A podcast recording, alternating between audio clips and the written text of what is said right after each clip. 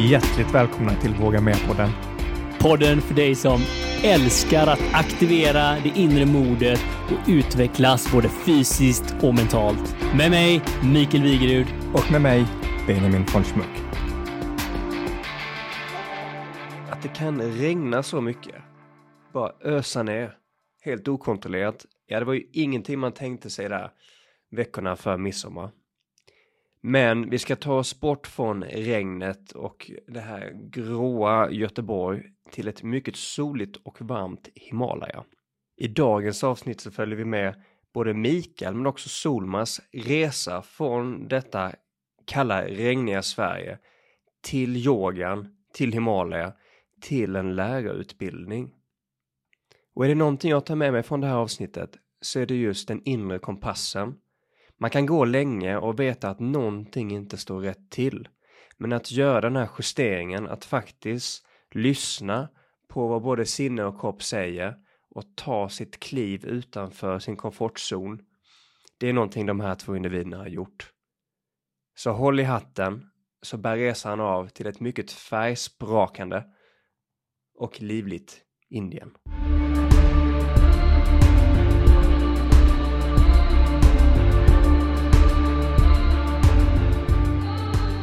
Idag befinner vi oss på en väldigt speciell plats långt uppe i bergen i Himalaya. Och eh, vi ska djupdyka lite i hur man egentligen från Stockholm hamnar här uppe i bergen i Himalaya och i Indien på yogalärarutbildning. Så varmt välkommen till Våga Mera, Solmas. Tack snälla. Oh, jag bara ler stort här. Ja. Fantastiskt kul att ha dig här. Det är jättekul att vara här. Vi är ju väldigt långt bort nu mm. idag. Ja, det är vi. Hur har du hamnat här på andra sidan jorden på det här ganska svåra stället att hitta skulle jag ändå vilja påstå? Ja, gud. Det är en, eh, det är en lång resa som började ett antal år sedan redan. Um, och inte hade väl jag kunnat ana att jag skulle gå en yogalärarutbildning fem, sex år sedan. För då gick jag liksom på yoga bara för att det var lite bra och jag kände lite motstånd för jag ville svettas och du vet, man vill träna och känna att kroppen aktiveras. Um, men det fanns en röst inom mig som sa, men det här är väl ändå bra, fortsätt med det här.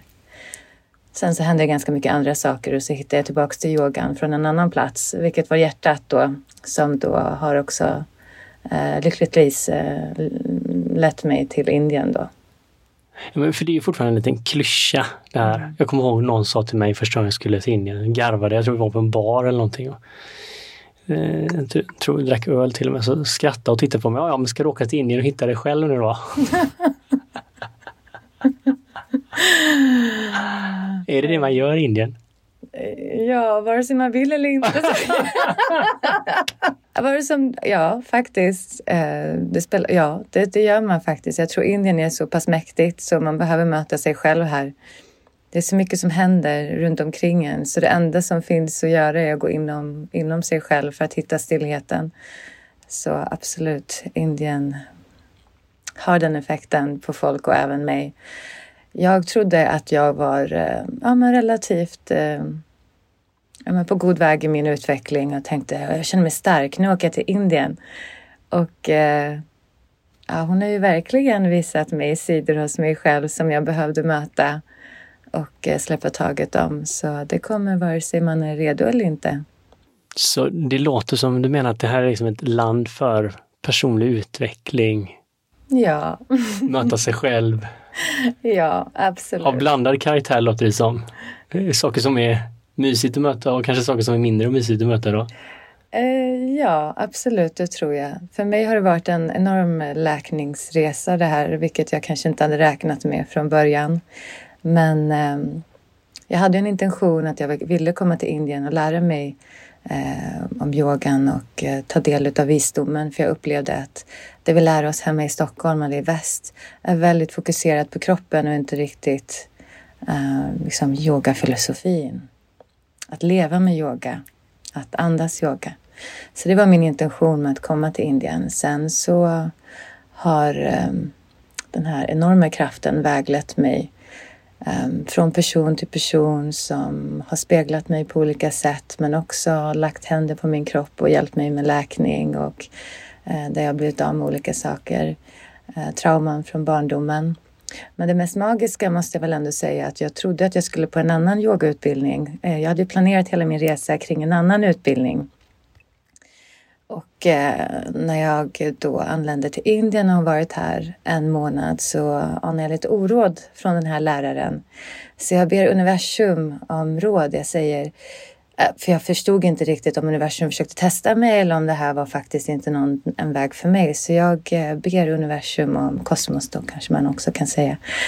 Om inte det här är min väg, snälla avboka den här yogautbildningen. Och kort därefter så blir den utbildningen avbokad och då väljer jag att bara följa signalerna och då hamnar jag här på den här utbildningen där du och jag har mötts då. då. Och tur är det. För vilken fantastisk utbildning och den är så transformativ. Så i det avseendet så har jag också blivit vägledd till läkning genom den här praktiken då. Som har haft en enorm inverkan på min väg framåt.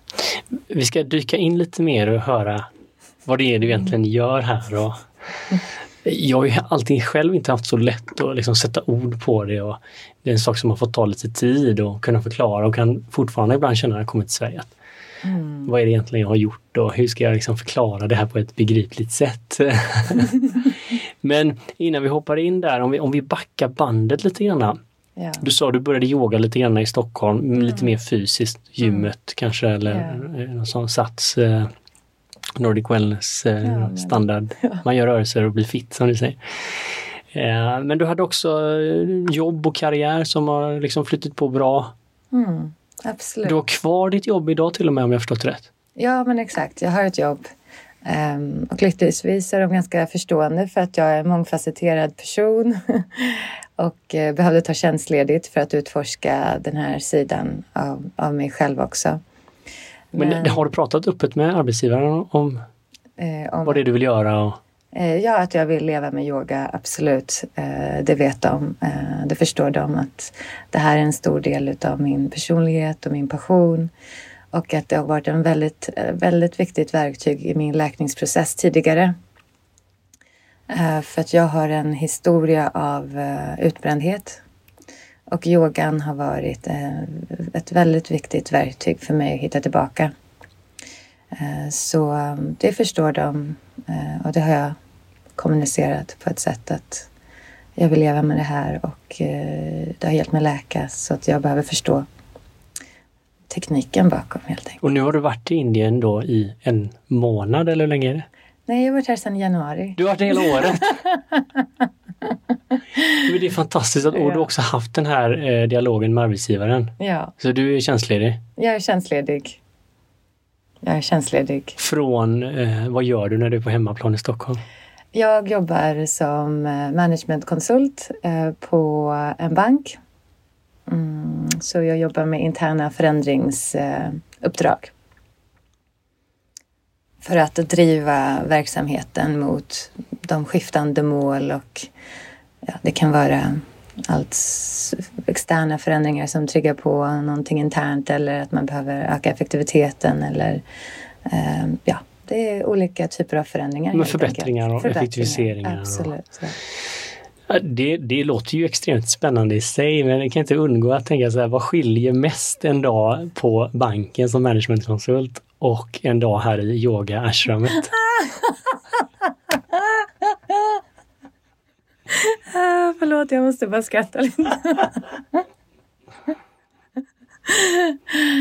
ah, det är himmel och jord. Uh, himmel och jord. Ja, det går ju från en värld av väldigt mycket struktur. Och det behöver finnas struktur för att det är bank, självklart.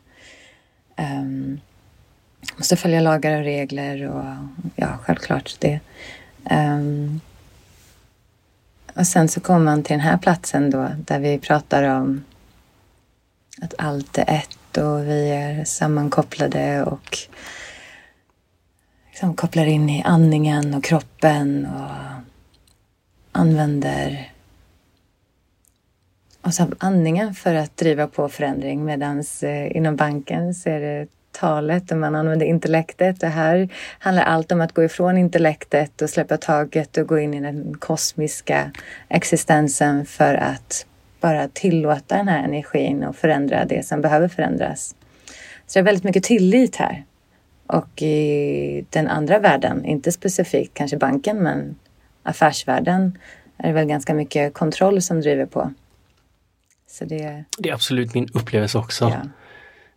Att uh, det kan ju upplevas lite flummigt kanske när man pratar om då tillit, mm. uh, beslut baserade på intuition eller liksom att saker och ting mer händer. Det är svårt ibland när man liksom har banken på sin näthinna mm. eller från mig kanske mina du vet, ingenjörsjobb eller så. Mm. Och tänka att det här skulle kunna vara ett effektivare sätt. Men det är egentligen det man säger här. Att i ett riktigt flöde i flow mm. så är ju det mycket effektivare mm. och, och bättre för alla som är i systemet än att vi bara är stressade upp i huvudet och helt frånkopplade från kropp och själ och ja. allt. Ja, absolut. Jag tror ändå att man kan använda väldigt mycket av den här visdomen och applicera det inom organisationer också, men under vissa ramar. Eh, och jag tror ändå att man försöker göra det på något sätt. Men eh, det är väldigt svårt att släppa taget om kontrollen. Och det är väl... Jag har reflekterat lite över det här. Eh, eller inte så jättemycket. Men den individuella processen som är att man försöker växa inom den spirituella vägen och, och liksom komma närmre eh, det universella, eller vad man nu vill kalla det, Gud. Ehm, Eh, skiljer sig inte så jättemycket kring den transformationen som behöver också ske på ett kollektivt plan. Och sen så kan man ha strukturer som heter företag, men det är ändå fortfarande kollektiva eh, energier som behöver skifta på något sätt. Det är många som blir utbrända idag. Det är inte så jätteunikt. Nej, det är, så det är mycket extremt... som behöver förändras där ute. Där, där liksom den värdigheten av att vara människa får komma fram även i sådana strukturer. Ehm, så det är mycket som behöver till där tror jag. Utan att gå in för djupt in på systemförändringar och ja. Men det är väldigt spännande. Ja. Men framför allt som du säger, det är många också i podden och jag har väl sagt någon gång också att eh, alltså det är ju fruktansvärt, man önskar ju ingen att vara utbränd.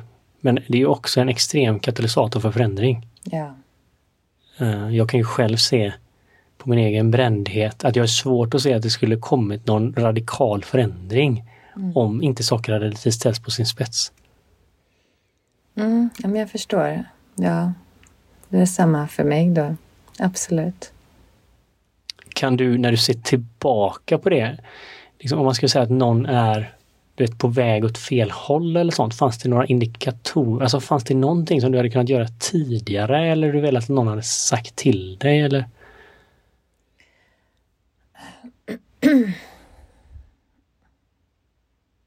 Ja, det fanns ju många indikatorer, absolut. Och jag borde väl kanske själv kunna ha sett dem de omkring mig såg de nog definitivt. Um, och utmatthet, eh, bristande glädje, eh, inte närvarande, emotionell, eh, inte riktigt kunna prata och vara närvarande i ett samtal. Eh, så det var många indikatorer som fanns där men samtidigt så jag vet inte riktigt vad jag ska säga faktiskt.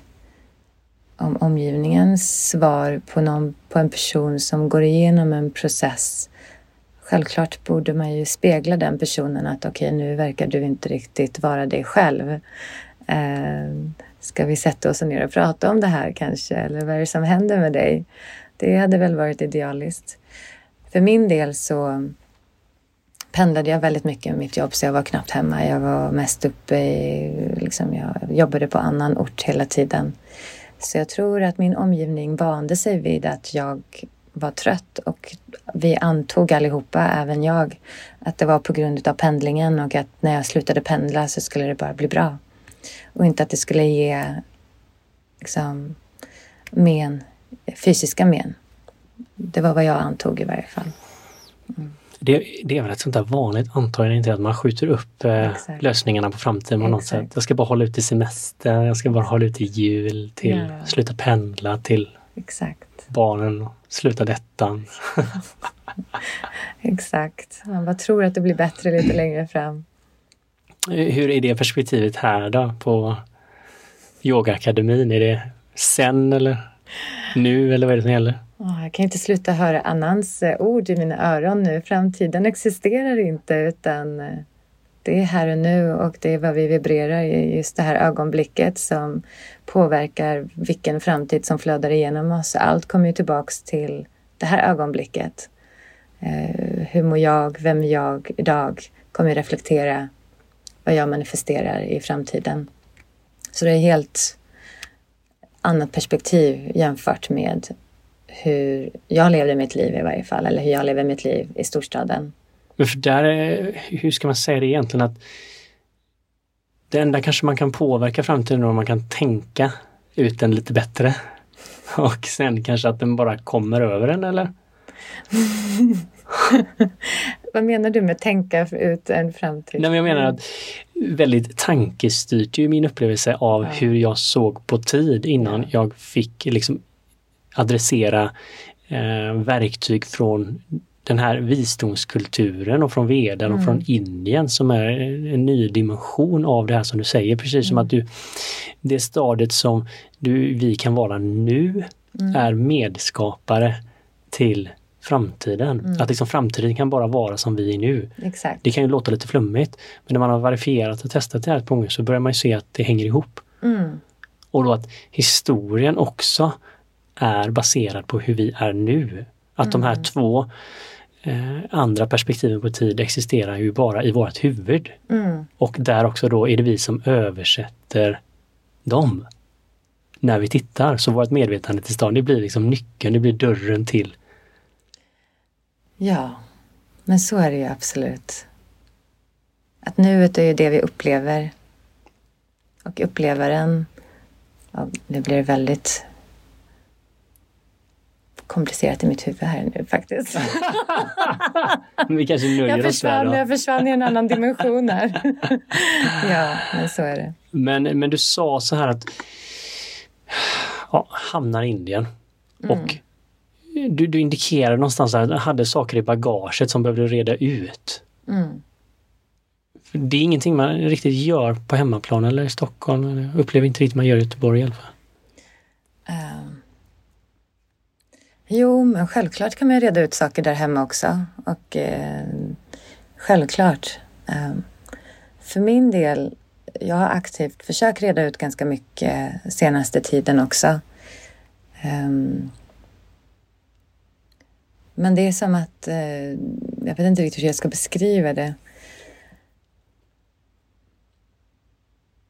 Men här är energierna så kraftfulla så att det är som att vare sig man vill eller inte så händer det. Men där hemma så behövde jag ta aktiva val för att rensa ut eller möta någonting. Sitta med mig själv. För det är så himla lätt att hamna i rutinerna. Man lever liksom måndag till fredag.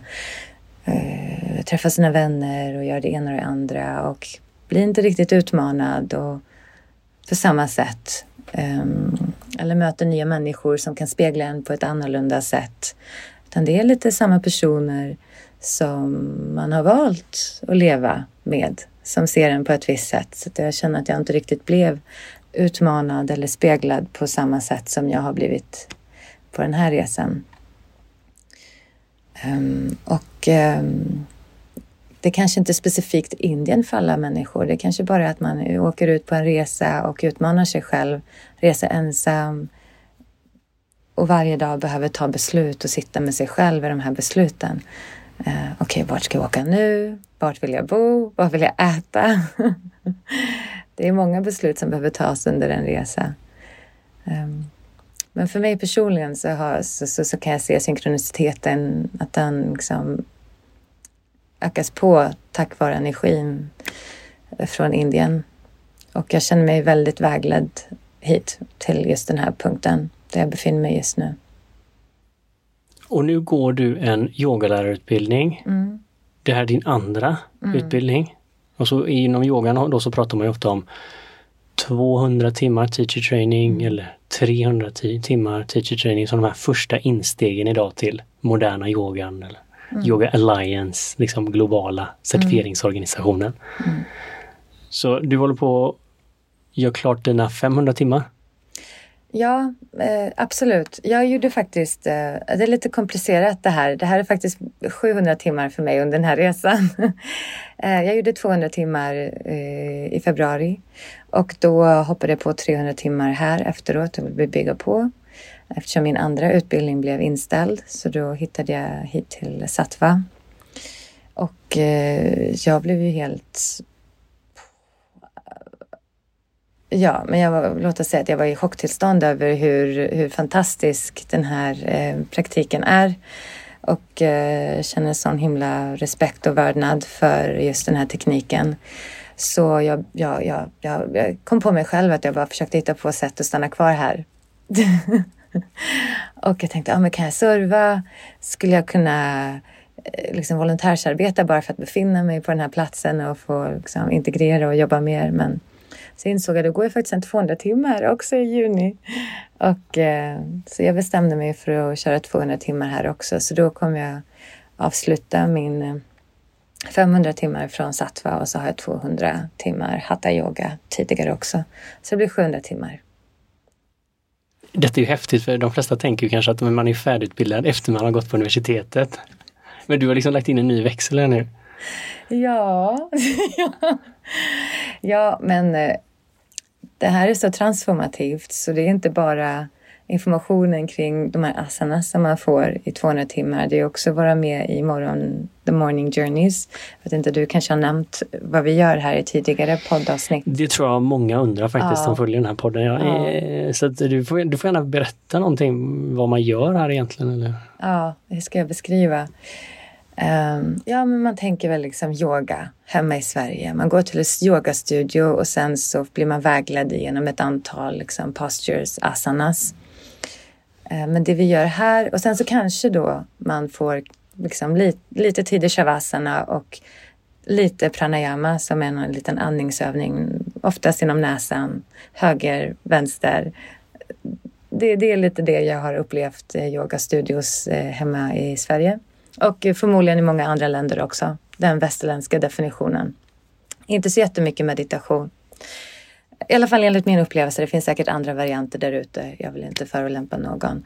Eh, men ehm, det vi gör här är ju att vi börjar med kreas som det heter. Och eh, det är en sekvens utav ehm, rörelser, de kan vara sittande men också stående, där vi aktiverar olika energikanaler i kroppen. Ehm, och vi kombinerar olika rörelser med kroppen men också andningssekvenser eh, sekvenser utav andningsmönster. Och eh, det har en enorm inverkan på energi i kroppen.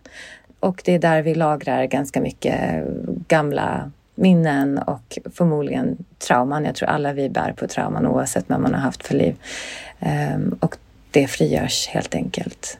Och för varje, det är en utrensning som sker.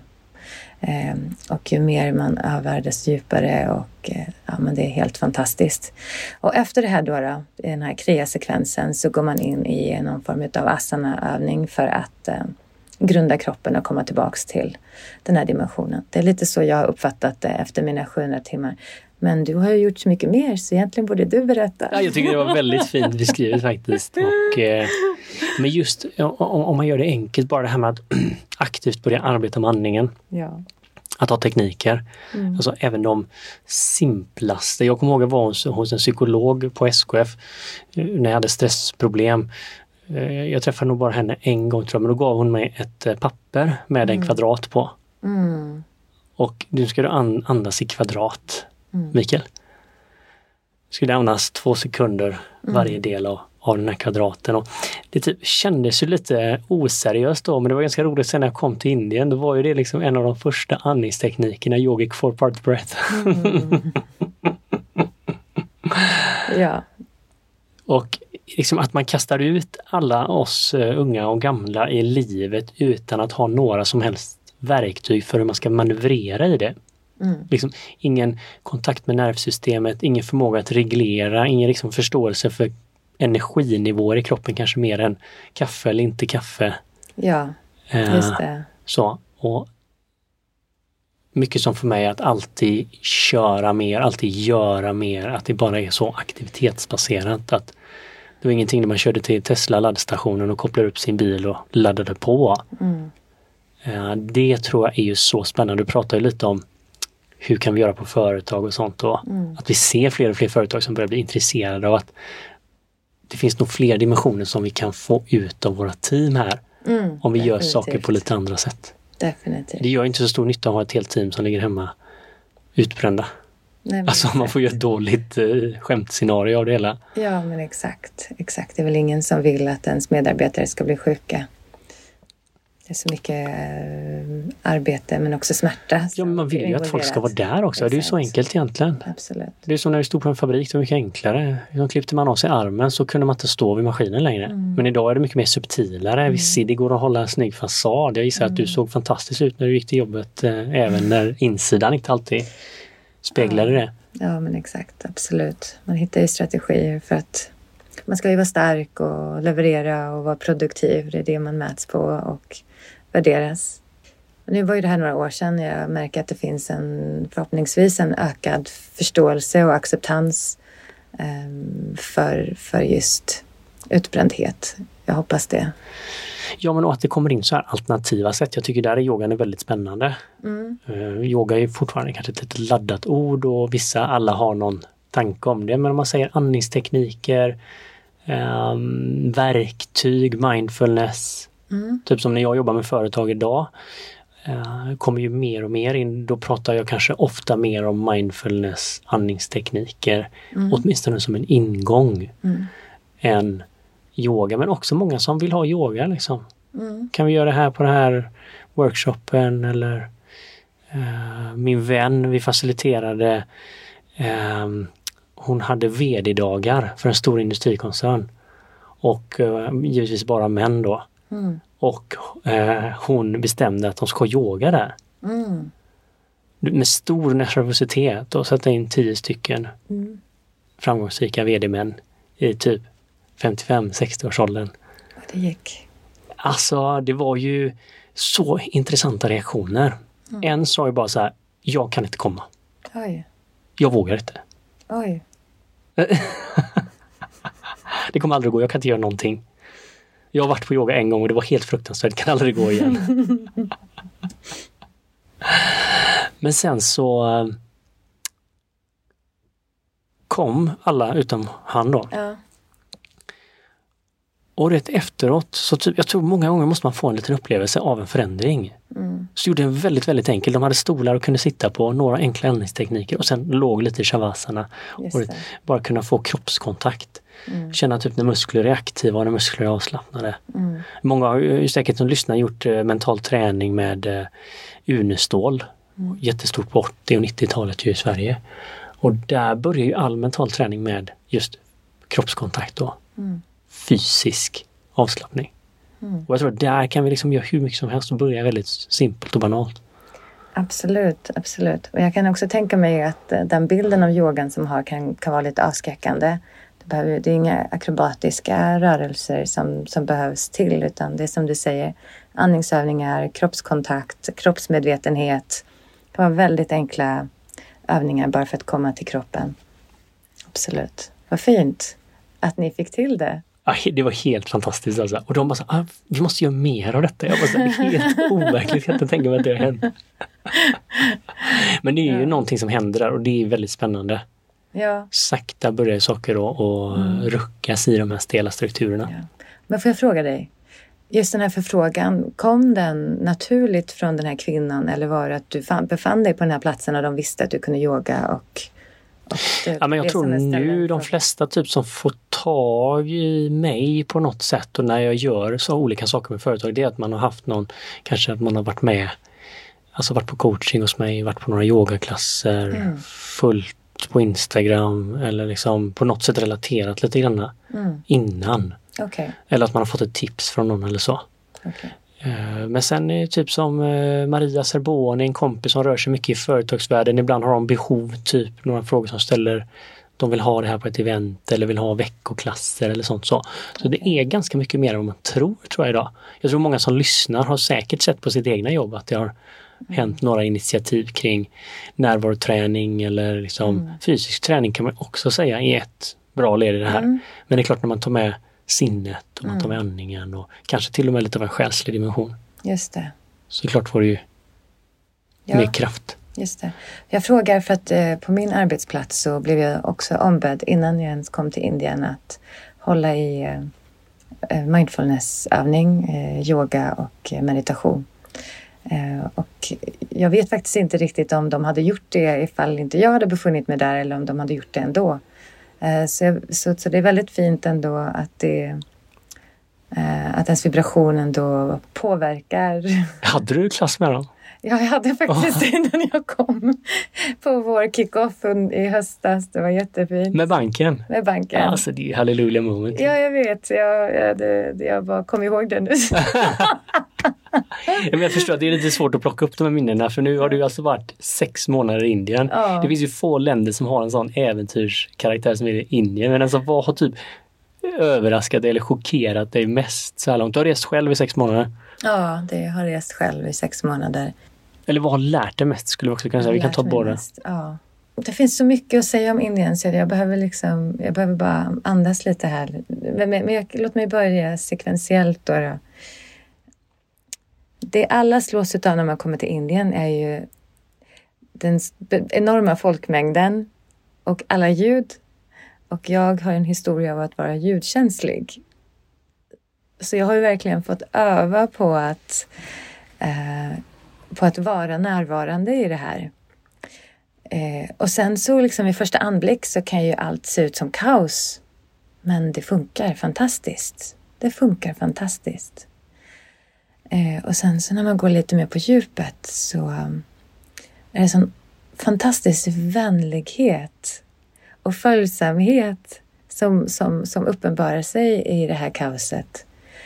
Eh, så på något sätt att finna acceptans i den externa miljön och finna ro inom mig själv och att liksom följa flödet och ha tillit till att allt kommer funka. Och funkar det inte så finns det tio personer där som kommer hjälpa dig. Så man behöver inte fixa allting själv utan man får hjälp helt enkelt. Och hemma så funkar allt hela tiden så, så man behöver liksom inte riktigt be om hjälp. Men här så behöver man verkligen räcka ut en hand ganska ofta och bara hur funkar det här nu? Det här tåg, tåget har inte dykt upp på fem timmar. Eller bussen eller ah, nu hamnar jag i någon konstig plats. Och de bara, madame kom sätt dig här. Och, eh, det, det är så mycket vänlighet och kärlek och enkelhet i, i, i det komplexa. Liksom, så att det blir fantastiskt. Och bara hitta sitt centrum hela tiden, komma tillbaka.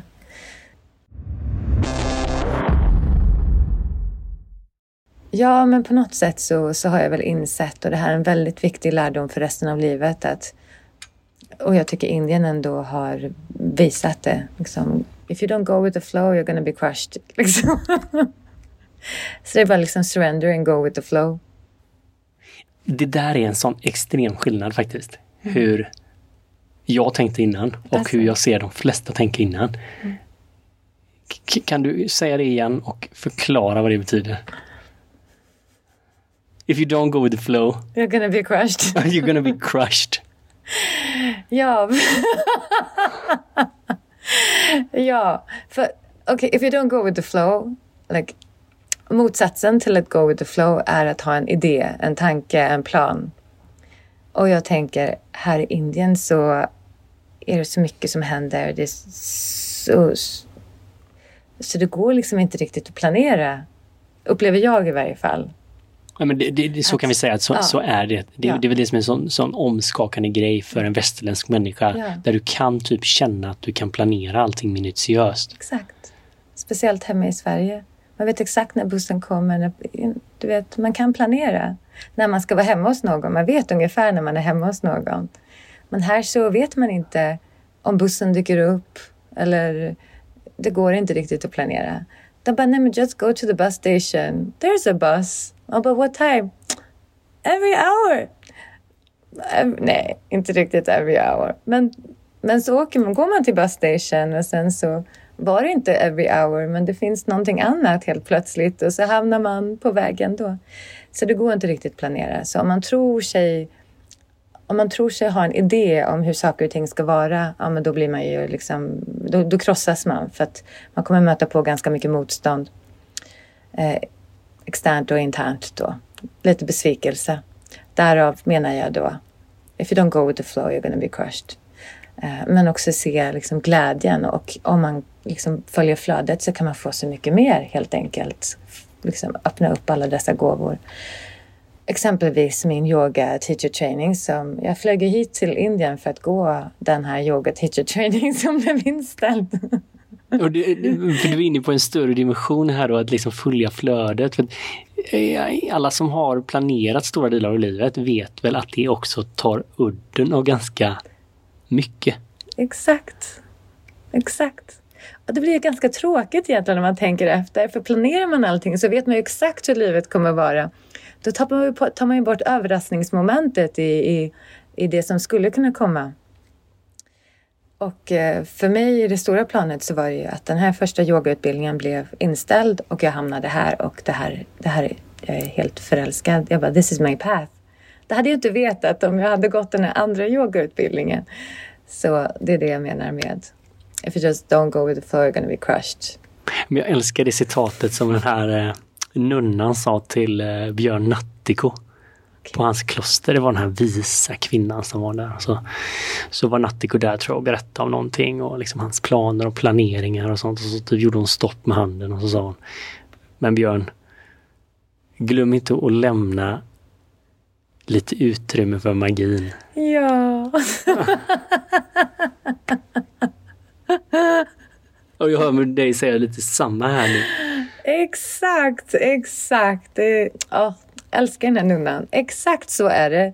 Glöm inte lämna lite utrymme för magi. Vad fint. Ja, men jag tyckte du sa det så på, på så fint sätt innan. Du sa ju typ så här att välja livet. Mm.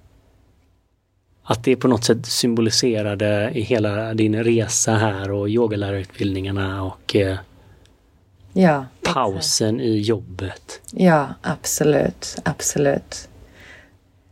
Om det är någon som lyssnar nu från en arbetsplats och känner att man skulle liksom vilja ha en sån dialog som du hade med sin arbetsgivare. Mm. Kan man ha det då?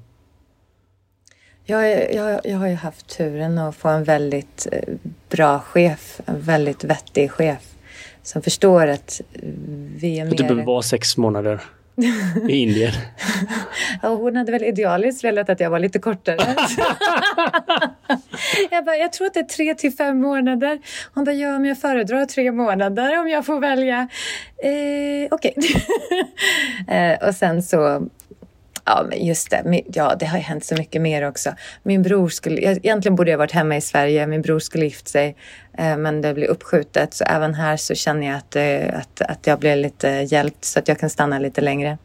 Men nu avvek jag från ämnet. Men, men det här samtalet med, med min chef, eh, hon, hon, är, hon är väldigt, väldigt, väldigt bra faktiskt. Och hon förstår att om inte jag får växa som människa så kommer inte jag vara kvar på den här arbetsplatsen. Och hon sa det rakt ut också. Jag kan ju inte säga nej till dig. Även om jag vill att du ska stanna kvar så kan jag inte säga nej till dig för då finns det en risk att du lämnar oss. Och eh, på en arbetsplats så självklart så växer man även på en arbetsplats i de här interaktionerna och det man levererar. Och, och det är en dimension av livet men eh, vi är ju så mycket mer än så än att vara en kollega. Jag är ju hela Solmas som ska leva det här livet resten av mitt liv. Och jag behöver få, få bli hela mig själv och vara mig själv. Och eh, hon säger ju också att jag kommer ta med mig gåvor tillbaks till min arbetsplats och jag tror eh, också att det finns en förväntan att jag ska dela med mig av det här och det ser jag väldigt mycket mer fram emot att få vägleda den här banken genom ett antal krias. Så spännande och bara din närvaro kommer ju att uh, göra skillnad på banken. Det råder det ju. Ja, det tror jag. Vare sig man vill eller inte så, så, så har man en viss vibration som påverkar ens närvaro. Tror du att om du tittar på de här två parallella vägarna, det har gått sex månader nu och Mm. du kan se Solmas som har gått sex månader på jobbet på banken och Solmas Mm. som har gjort den här resan. Är, är det någon skillnad? Har de lärt sig olika mycket? Har de Oj, utvecklats oj, oj. olika mycket? Ja men gud ja, det är helt otroligt. Jag känner att jag har växt um, ja, men ljusår jämfört med vad jag hade gjort sex månader hemma. Jag pratade med en vän och, och eh, han också rest till Indien och så frågade jag hur är det hemma, hemma i Sverige, i Stockholm? Han bara, men Solmas, en vecka i Indien är ju som sex månader här i Stockholm. Det säger lite om tidsperspektivet. Ja, jag tyckte det var så himla bra sagt. Liksom. Ja, men det är de här rutinerna, samma saker som händer hela tiden. Och för att växa så behöver man ju liksom bryta det där lite grann. Renounce på något sätt. Inte för att jag upplever att jag har renounced anything. Jag hårdar lite Nej men man måste bryta saker. Bryta, det, tror jag, ja. det, det, det kan vi vara... Det är som alla sagor, allting som har kommit tillbaka. Det är ingen liksom stor förändring som händer av att man gör exakt samma. Nej. Det är ingen människa som verkligen utvecklar sig eller blir eh, extremt mycket gladare eller liksom får verkliga insikter eller lär, lär sig utan att exponera sig för förändring. Mm. Så är det ju. Ja. Det vet ju alla som har rest någonstans. Man kommer ju hem ofta med ny inspiration, nya insikter, man har utmanats kulturellt. Mm. Man måste puttas ut ju. Och jag tror att här är så konstigt i Sverige, i världens tryggaste land, så typ vågar vi inte putta ut oss. Mm. Vi, skulle, vi har sådana förutsättningar Mm. att göra det.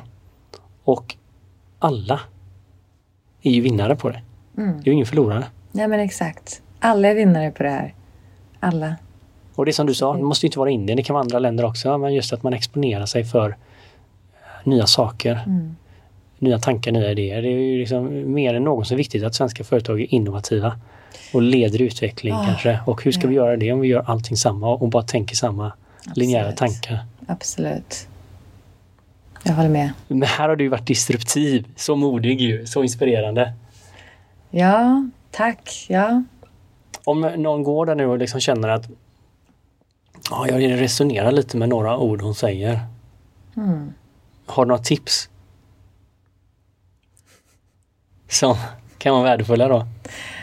Eh, någon som resonerar över Ja, att... men någon som känner att jag kanske liksom, ja, jag menar man kan ju använda Indien som, som en grej, det var det som låg djupt inne i dig, Mm. att detta skulle hända. Mm, Men jag tror att inom var, många så ligger det ju någonting där och skvalpar. absolut. Och det kanske väcks till liv när någon berättar om deras egen resa som du sa. Liksom min path eller liksom jag hittade min Mm. Absolut. väg. Absolut. För mig har det handlat väldigt mycket om att eh, komma i kontakt med min inre röst och att lita på den.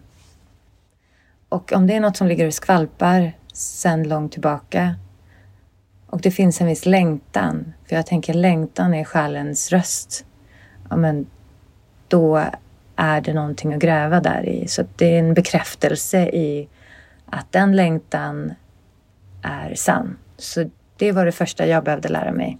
Att längtan är sann. Längtan är inte bara en tanke kring något, någonting annat. För jag har behövt ha den här inre dialogen också. Är det bara jag som drömmer mig bort nu? Eller ska jag verkligen göra det här? Det är liksom ekonomiskt jättedålig tid att resa. jag har slutat läsa nyheterna. Jag vill inte veta hur ränteläget ligger till. Men jag ser det på mitt konto då och då. Men längtan är sann. Det är själens röst, så lita på det. Det var mitt första råd till alla. Ehm, sen eh, kring att ha samtal med chefen. Eh, finns det någonting innan man behöver prata med chefen? Ja, kanske ha en dialog. Vad skulle hända ifall jag inte gjorde det här? Vad skulle hända med ditt liv? Hur skulle du må med dig själv om du inte tog det här steget? Den dialogen behövde jag också ha med mig själv. Hur skulle jag må ifall jag levde hela det här livet och inte åkte till Indien? Att jag är också i en ganska känslig ålder just nu så att jag behövde fundera över andra saker och prioriteringar. Men jag insåg att jag skulle faktiskt inte kunna leva med mig själv om jag inte gjorde det här. Eh, Så för mig handlar det väldigt mycket om att finna bekräftelse i det här beslutet för det var väldigt många omständigheter runt omkring en. Ja, många omständigheter runt omkring mig som försökte hålla mig tillbaka och även folk runt omkring mig. Tredje steget var att samla mod till att prata med chefen. ah, och jag gjorde inte det speciellt graciöst. Jag var ju liksom skiträdd liksom egentligen. Och det kommer ju från min historia av att jag kanske inte riktigt har varit jättebra på att kommunicera mitt behov och det har jag också behövt jobba på. Men eh, längtan var så pass mycket starkare än rädslan. Så eh, jag satt där och bara jag behöver berätta någonting för dig. och så som jag la fram det, jag tror att hon var rädd att jag skulle säga upp mig. så till slut så var det bara, åh oh, men gud, åh, oh, oh, shit, åh oh, vad bra, vad skönt, du ska bara åka Jaha, till Indien. du ska bara vara borta några månader liksom. Mm, Skönt. Det är ju fantastiskt, byggde upp smart där då. Jag, jag, jag menar, vi är människor. Man märker när någonting är så pass autentiskt för någon. Och eh, jag la fram det som att okay, min läkningsprocess har hamnat väldigt mycket om yogan. Och jag behöver lära mig det här. Det är min stora passion. Och de kunde ju se det här innan. Det var ju därför de bad mig också hålla i det här yogapasset.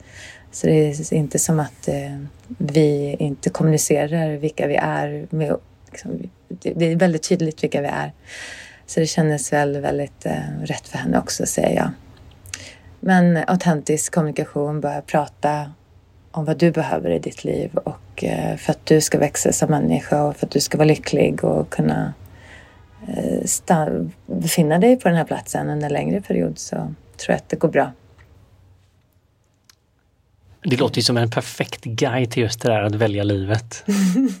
Att justera om, att ha de besluten. Här använder vi ju resan, yogan, de bitarna som är viktiga för dig. Men det kan ju vara vad som helst egentligen för någon annan. Ja. Ja. Men den autentitismen mot sig själv, typ när ingen lyssnar. Ja, gud ja. ja. Hela världen var bara, nej, är du knäpp? Det är farligt. Du är kvinna, åk inte till Indien, res inte själv. Eh, familjen bara, det är inte riktigt smart. Ska du... De har ju tröttnat. De vill inte att jag ska göra det här. Men självklart så är de jätteglada nu när de ser hur lycklig jag är och att jag befinner mig i mitt väsen. Men ja, det finns ju många eh, motstånd liksom. Men det är så intressant att det kan väl lägga in som ett sista tips där om man är någon som ser någon som försöker med detta. Mm. Att inte använda sin kärlek till den personen Mm. att hålla emot. Mm. Utan att typ hålla en hand eller hålla space eller hålla så att personen kanske får, precis som du har skri- beskrivit så fint, så att man får möta de här, sin inre längtan. Mm. Och man kan ha någon runt omkring sig som vågar sitta med det. Mm. Även om konsekvensen är att man som ensam kvinna ska åka sex månader till Indien. Så är ju det typ en av de finaste grejerna jag kan tänka mig. Ja, vad fint sagt. Jag håller med dig. Ja, det kan vi göra för varandra. Man måste ju rösta ett himla mod då, på tal om Ja. att våga mer när vi sitter där. Och det kanske är så man känner att nej, men jag är inte någon som måste göra de här grejerna. Nej, men då kommer du ha någon runt omkring dig snart. Mm. Som kommer att stå inför en inre stor personlig förändring. Mm. Och jag tror att många i Sverige stänger ner den här. Mm. Priset av att man lägger locket på här. Mm. De konsekvenserna ser vi i samhället. Ja. Men jag tror att i många fall så behöver man inte ens löpa linan ut. Bara man får liksom möta det fullt ut, uttrycka det fullt ut, Mm. så kan det ta andra nyanser, precis som du säger, när man möter flödet av det. Det är inte säkert att det måste bli exakt så som man tror i första översättningen. Mm. Jag tror varken du eller jag typ för sex sju år sedan någonsin hade kunnat planera att vi skulle sitta här och göra det här samtalet mitt uppe i de här majestätiska bergen i Himalaya. Jag hade ingen aning. Med typ yogiska mästare i grottor där runt omkring oss. ingen aning. Och hur vackert är inte det? Att bli överraskad av livet. Helt fantastiskt. Mm. Så stort tack Sumas för att du tog dig tid att komma till Våga Mera-podden och våran studio, vår indiska studio.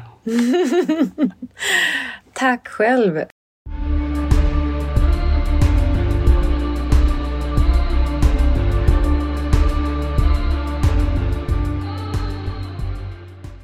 Du har precis lyssnat på Våga Mer-podden. Med mig, Benjamin. Och med mig, Mikael. Vill du höra mer av oss så måste ni ju såklart prenumerera på podden. Och det gör ni genom att ni klickar i den här klockikonen där poddar finns. Det brukar vara som en, en liten, liten, liten ikon. Så se till att ni hittar den så är ni med nästa avsnitt och nästa igen och nästa igen och nästa igen och ni är alltid uppdaterade. Och är det en sak som vi verkligen tycker om i Våga Mera-podden så är det ju att vi tillsammans engagerar oss. Så in på våra sociala kanaler, kommentera, dela och inspirera varandra. Ha en magisk vecka till nästa gång så syns vi snart igen.